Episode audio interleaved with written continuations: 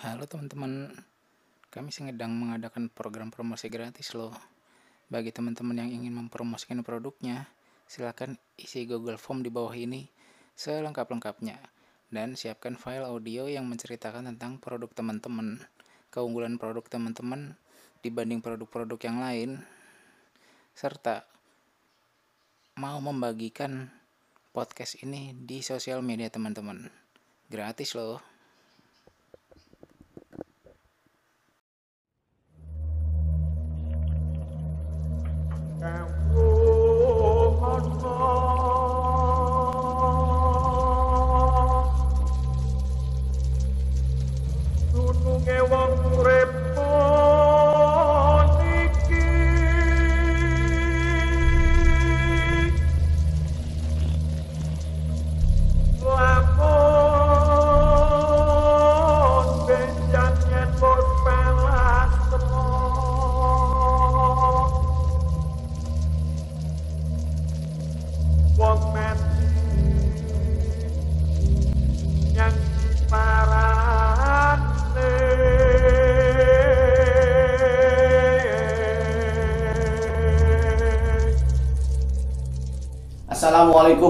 Warahmatullahi wabarakatuh.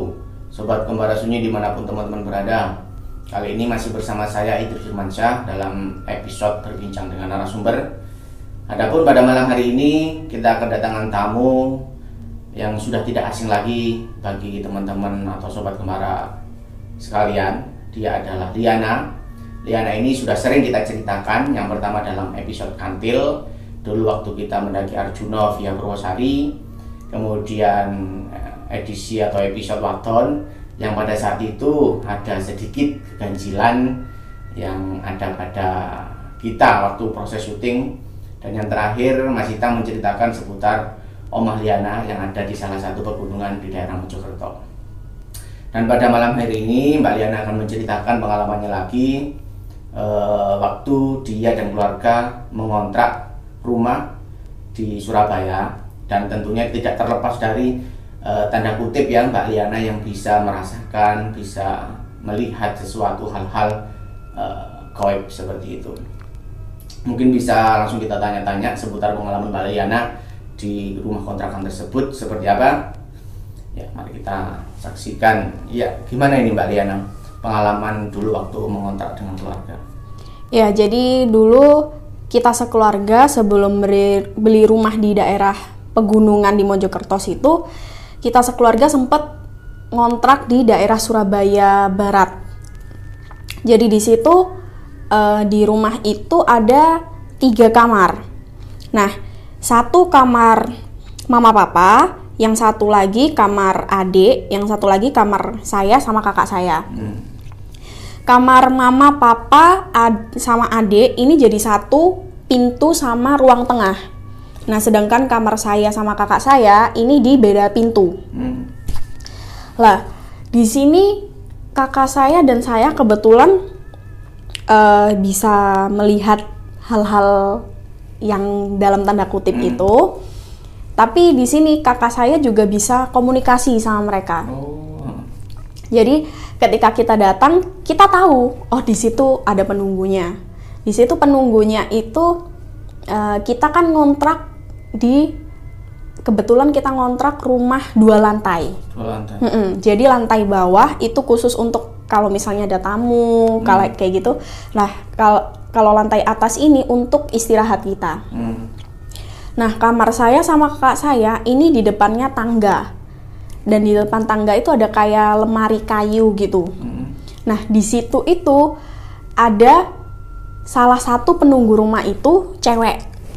Dia tempatnya emang di atas lemari itu.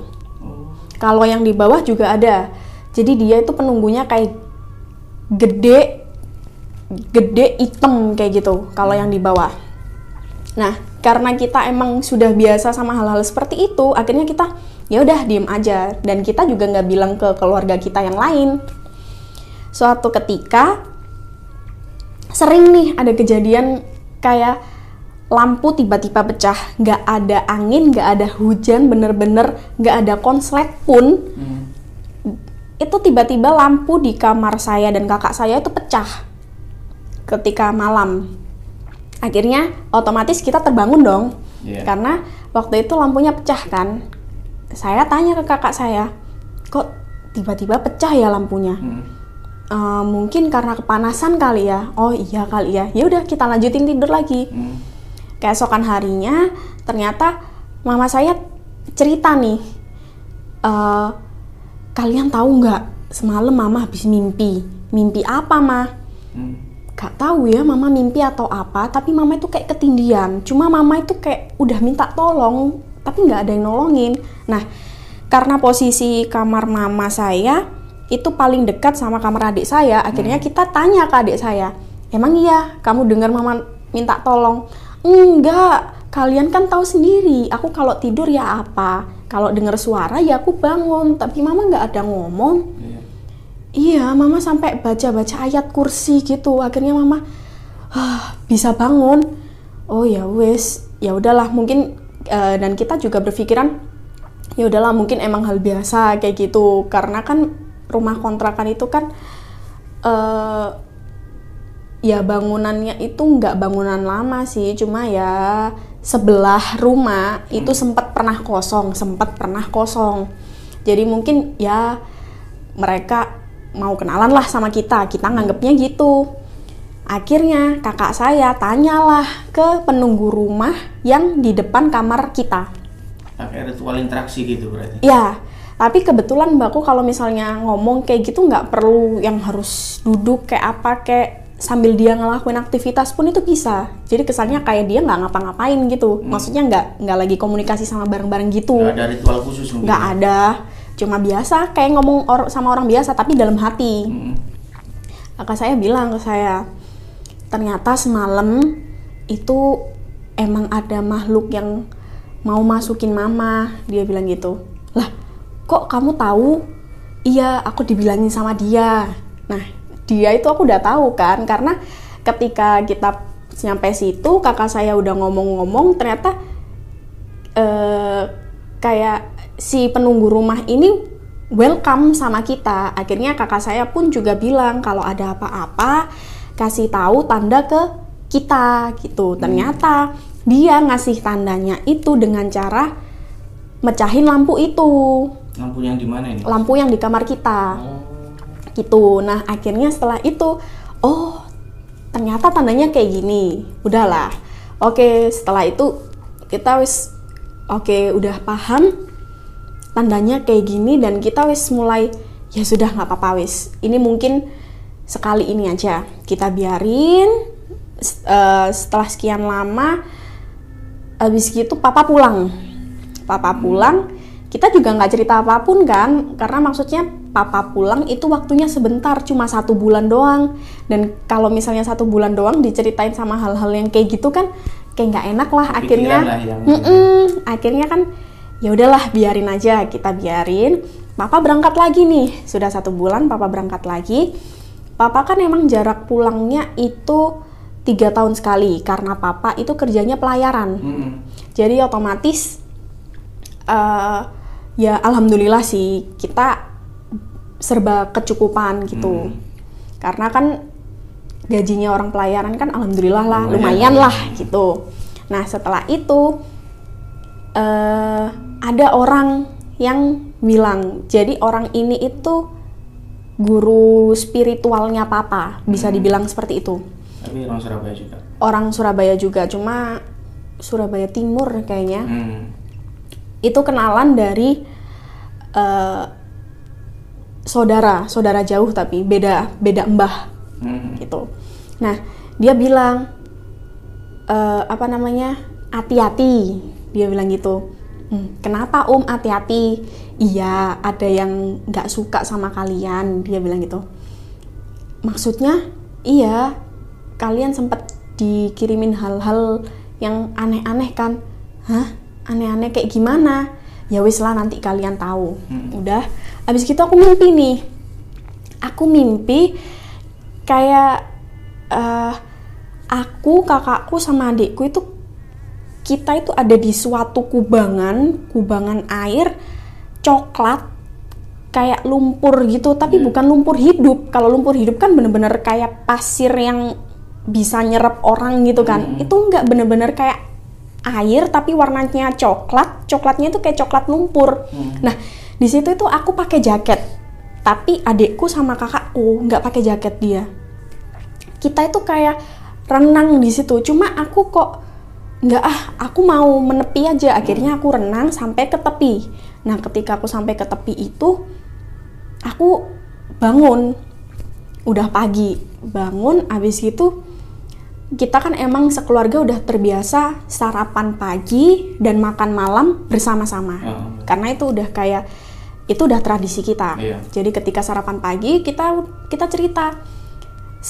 Yang pertama kali cerita itu adekku kalau nggak salah. Jadi dia bilang gini mbak aku semalam mimpi. Mimpi apa? Iya kita bertiga loh kayak renang. Renangnya itu di nggak tahu aku pokoknya tempatnya itu luas gitu loh. Tapi di tengah-tengah itu ada air. Air itu coklat. Kok mimpinya persis kayak aku? Aku diem aja. Terus kakak nyambung loh serius kamu mimpi kayak gitu? Aku juga mimpi kayak gitu. Loh kok sama? Terus habis gitu aku diem aja.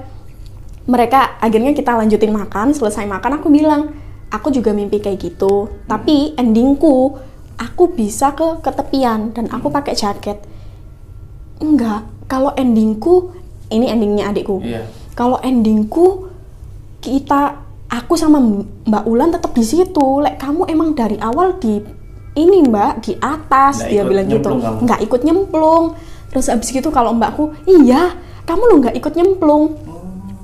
Keesokan harinya eh, ini ternyata adikku sakit tapi ketika dibawa ke dokter tuh nggak ada sakit apa-apa badannya itu panas tinggi habis gitu sampai apa namanya eh, mimisan gitu cuma eh, ketika ke dokter kan otomatis ya kalau panas tinggi mimisan mungkin kayak ini kan Tipes mungkin. ah mungkin takutnya kan tipes kayak gitu dokter nggak sampai dicek darah pun itu nggak ada apa-apa Hmm.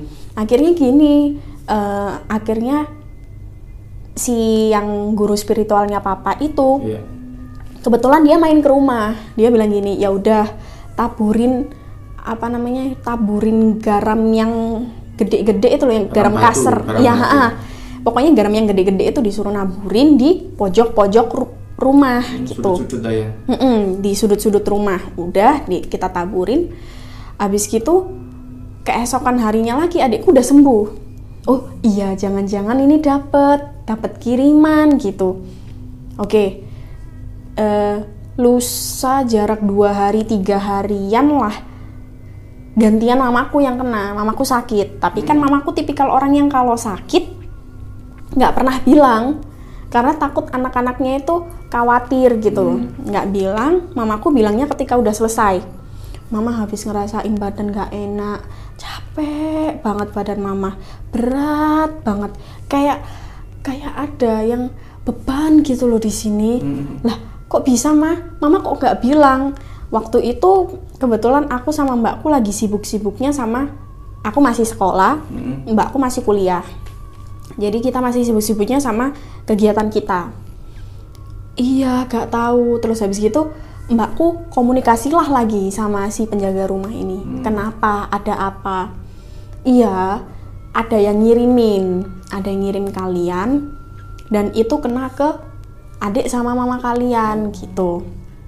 Terus kita ini kok gini sih siapa yang ngirimin? Akhirnya mbakku tanya gitu. Nah ketika mbakku tanya gitu si yang penjaga rumah ini bilang ya pokok eh, nyebutin lah. Intinya salah satu dari temen kerja papaku.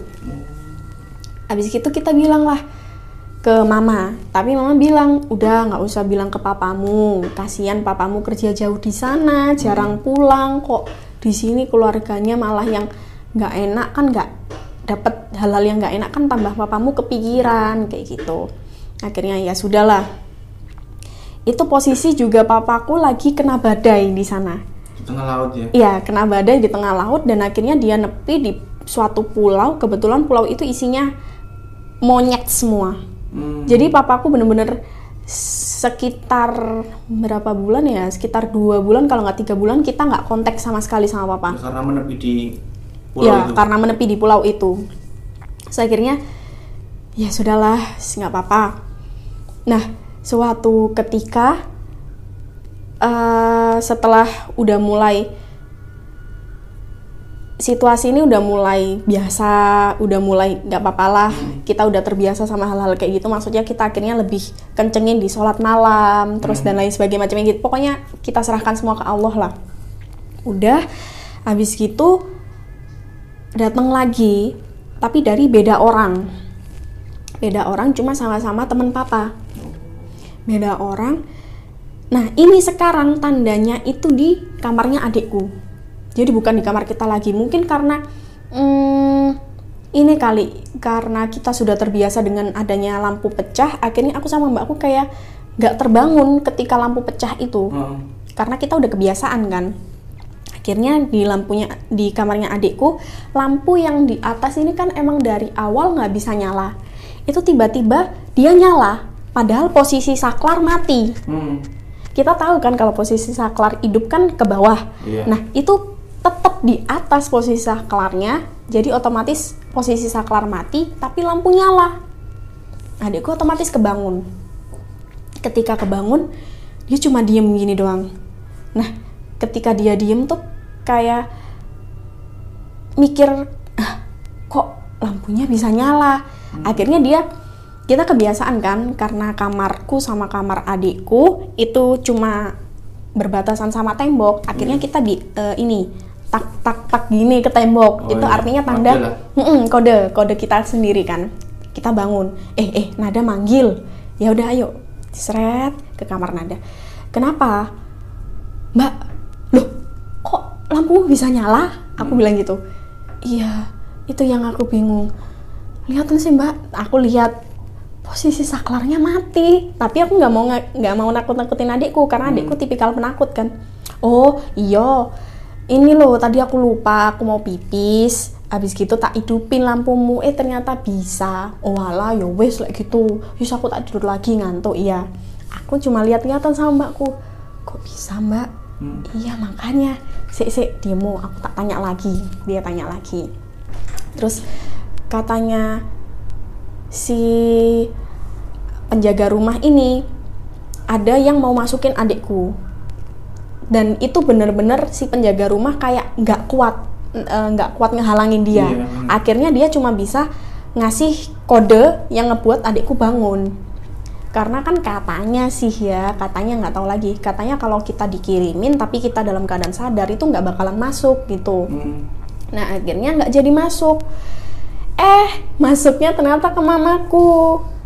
Mamaku ketindian lagi. Jadi mamaku sering banget ketindian dan mamaku cerita yang ini nih bener-bener kayak Mama tadi mimpi, tapi kayak nggak mimpi. Mama bangun, Mama ngeliat Mama itu tidur di kasur, di situ ada cewek. Dan Mama Mama itu bawa kayak sapu, tapi mam- tangan Mama ini nggak bisa ngapa-ngapain, cuma gemeteran tok. Terus Mama baca-baca ayat, ayat-ayat kursi dan lain sebagainya macamnya. Akhirnya Mama bisa bangun. Mama bangun itu Mama langsung baca, langsung megang Al-Quran. Mamaku langsung wudhu, me- megang Al-Quran, baca-baca lah pokoknya. Habis gitu gini, kok tambah semakin parah ya. Habis gitu akhirnya kita nggak kuat lagi. Ya udah ketika Papa pulang, kita cerita semuanya. Hmm. Pak, sebenarnya ketika Papa nggak ada di sini, ada beberapa teman Papa yang ngirimin kita gini gini gini gini gini gini. Kita ceritain semuanya. Papaku akhirnya gini, Astaga, kenapa sih kalian nggak bilang? Ya kita nggak mau lah buat Papa kepikiran. Ya udah, nanti Papa tak ngomong sama orangnya. Udah, ketika ngomong, udah nggak ada nggak ada ini lagi, nggak ada gangguan lagi. Berarti bapak kamu nih merasa siapa tahu eh mengerti gitu loh. Iya, papaku emang tahu tapi dia nggak nyangka kalau ternyata itu sampai main hal-hal kayak gitu. Hmm, benar benar benar. Akhirnya ya udah, udah selesai clear. Nah, waktu itu eh, kita kan aku punya tetangga yang kebetulan seumuran sama aku. Iya. Akhirnya aku aku bawa main ke rumah. Jarak itu tetangganya jarak 10 rumah lah. Nah, abis gitu kita eh, bercandaan lah. Kita bercandaan sambil bawa Al-Quran, Mm-mm. sambil eh, ngaji, ngaji bareng gitu. Tiba-tiba itu posisi adikku tidur. Posisi adikku tidur, tiba-tiba dia bangun, dia bilang, "Panas."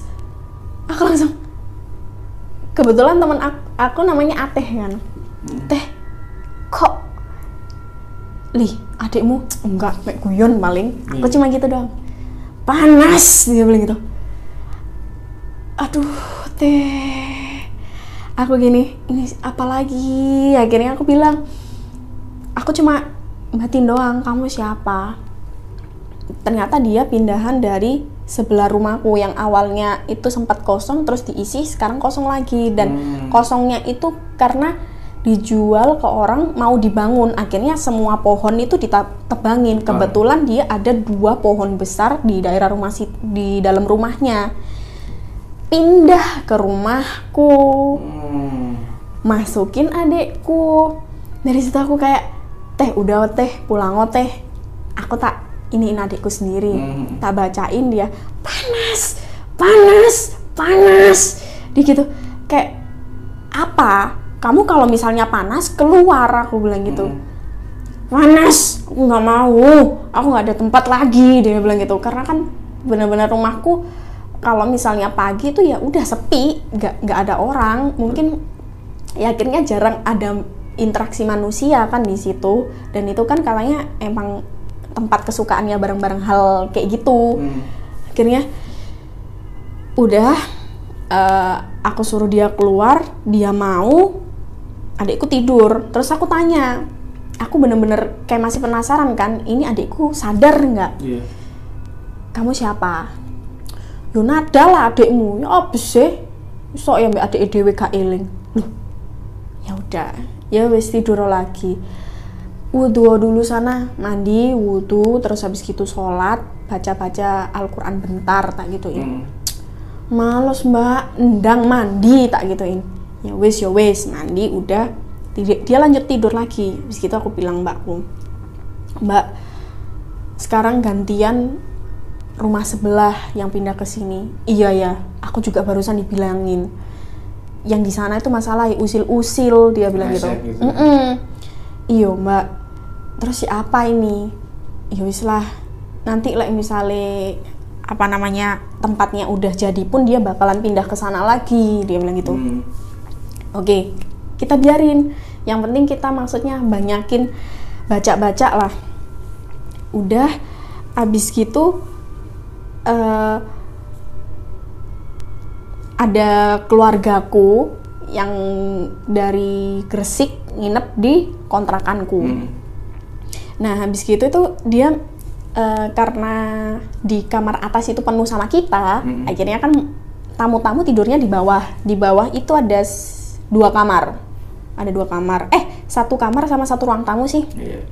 Nah, habis gitu di bawah itu katanya tanteku dia cerita sih pas paginya. Eh, kamu semalam main bekel Taya? Karena tanteku emang eh, lagi tahu aku lagi belajar main bekel. Hmm. Nah, akhirnya, ah, jam berapa, Bu? Aku kan emang kalau manggil ibu kan. Jam berapa, Bu? Malam, tengah malam. Paling jam satuan, like gak jam duaan digituin. Enggak, Bu. Lia nggak main bekel. Jam segituan, Yulia tidur lah, Bu. Ngapain Lia main bekel?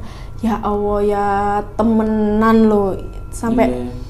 sampai bener-bener tanteku kayak beneran tante itu ngedenger itu ya apa bu tak tak tak bunyi bola bekel Iya. akhirnya ayo wis lah bu keesokan malamnya didengerin gitu lagi ternyata ya barang-barang yang dari rumah situ lagi karena kan dia usil Ah, mereka mereka usil.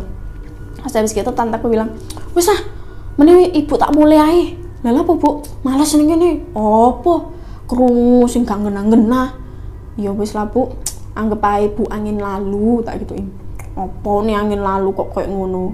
Ya wis ya wis, wis bu hati-hati. Ya Dah. Nah, waktu itu aku kebetulan eh lagi ngapain ya? Lagi nonton drama Korea kalau nggak salah. Hmm. Lagi streaming drama Korea. Denger suara tahu nggak sih kalau suara orang yang potong kuku? Cetik, Cetek. cetik gitu kan. Nah, itu setiap jam 2 malam, 2 pagi kayaknya. Setiap jam 2 pagi cetik, cetik, cetik. Aku mungkin kayak oh, nada mungkin. Soalnya emang adikku kalau potong kuku nggak tahu waktu dia emang. Hmm. Kalau malam dia ngerasa kukunya dia kotor, dia bakalan potong kuku. Terus tak tanyain, kamu semalam tuh potong kuku tuh ngapain sih pagi-pagi kok potong kuku kok nggak kok nggak sekalian pas kamu bangun gitu loh lo ngapain aku potong kuku aku yuk tidur lah aku cuma oke lagi dan lagi diusilin lagi akhirnya. Wis mbak. Ya apa carai? Mereka balik lagi ke tempat itu. Iya. Akhirnya mbakku minta bantuan sama yang penjaga rumah. Oke mereka semua bisa balik ke tempat itu dan kebetulan yang sebelah rumah ini sudah dibangun sudah dibangun bangunan lah suatu bangunan lah. Pindah. Eh lah kok ternyata ketika pindah di sana kan kebetulan dibangun ini kan kayak waralaba gitu. Hmm. kayak waralaba gitu pegawainya situ. Kemasukan kemasukan yang jaga situ. Akhirnya dibawanya ke rumahku. Aku cuma apa ini? Karena waktu itu ketika dibawa ke rumahku dia dalam keadaan kemasukan dan waktu itu eh, di daerah sekitar rumahku kan ada kayak toko apa pokoknya toko-toko lah. Hmm. akhirnya dibawa ke rumahku di nggak kebetulan nggak ada yang bisa ngobatin nih. Jadi dibiarin aja. Aku cuma gini aja. Ngapain kamu di sini? Aku bilang Iya. gitu. Terus dia bilang dia nggak bilang sih. Dia cuma eh, apa ini ya namanya melotot aja ke aku. Akunya ngapain melotot melotot tapi kitanya eh, Masih komunikasinya "Mm-mm," dalam hati aja. Akhirnya udah aku pergi kakakku nih yang ngomong. Ternyata si pegawainya ini dia itu katanya nginjek anaknya. Anaknya si barang itu. Hmm. nah kan sekarang ya secara logika orang yang nggak bisa lihat hal-hal kayak gitu kita mana tahu sih kalau di situ ada barang-barang kayak gitu? Hmm. ya akhirnya kan bukan salah dia nah akhirnya udah dicoba dijelasin nih sama kakakku Hmm. dia mau keluar tapi dengan syarat nah kalau dengan syarat ini kakakku nggak mau menuhin karena kakakku eh, berprinsip kalau hal yang seperti itu minta syarat dia pasti akan ketika syarat itu sudah terpenuhi suatu saat Minta lagi. nah dia akan minta lagi tangannya. nah akhirnya kakakku ya udah terserah kamu toh ya kamu lo nggak masukin aku akhirnya ya ya udah dibiarin aja. Dan mereka kayak pergi-pergi sendiri ketika keinginannya itu nggak dipenuhin. Ya intinya kayak hal-hal yang ganjil-ganjil kayak gitu di rumah kontrakanku sih kayak apa ya? Tapi pernah lebih nggak ke Liana sama atau mbaknya Liana ini pernah dimasukin nggak dari penunggu makhluk di rumah kontrakan gitu? kalau dimasukin dari penunggu rumah nggak pernah Tapi Tapi kalau misalnya dimasukin dari tempat lain, pernah. Jadi mbakku waktu itu eh, dia pernah kemasukan sa- sampai tiga, tiga barang, tiga barang. tiga barang kemasukan. Cuma untungnya mbakku masih bisa sadar Hmm. Tuh. Nah kalau aku juga di tempat lain juga yang waktu itu aku sempat pernah ceritakan aku KKN Iya. aku sempat kemasukan nah aku di situ kalau kakakku waktu itu lagi ini apa kalau kuliah itu ospek Oh, ospek. masa ospeknya dia udah kayak gitu sih cuma yang paling sering itu adikku sama mamaku lebih sering lagi mamaku gitu Mm-mm.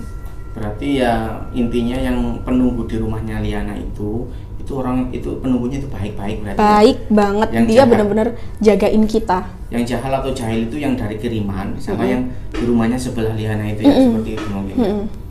mungkin ada yang bisa diambil hikmah atau mungkin Liana bisa berpesan-pesan kepada sobat gembara sekalian eh, dari cerita ini apa yang bisa diambil sih gitu intinya kayak kalau misalnya ya mungkin kenapa kita dapat kiriman karena orang kan ngelihat hidup kita meskipun kita nggak ngumbar-ngumbar ya tapi kan orang ngelihatnya kayak hidup Adem kita itu enak. Hmm. nah kan kita nggak tahu nih pikiran orang itu gimana kan. Akhirnya mereka mungkin iri atau apa ngirimin kita hal-hal kayak gitu. Maksudnya kayak kalau emang kita lagi mungkin tanpa sengaja kita mencoba apa kita membagikan hal-hal seneng-senengnya doang dan akhirnya orang ngelihat maksudnya itu nggak nggak usah lah kita bagiin hal-hal kayak gitu dengan sengaja ataupun tanpa sengaja. Ya udah kita konsumsi diri kita sendiri kita nikmatin sendiri nggak usah ada orang lain yang tahu. Istilahnya kayak lebih baik kita memberi daripada kita menerima. Tangan kanan memberi tangan kiri di belakang. di belakang gitu.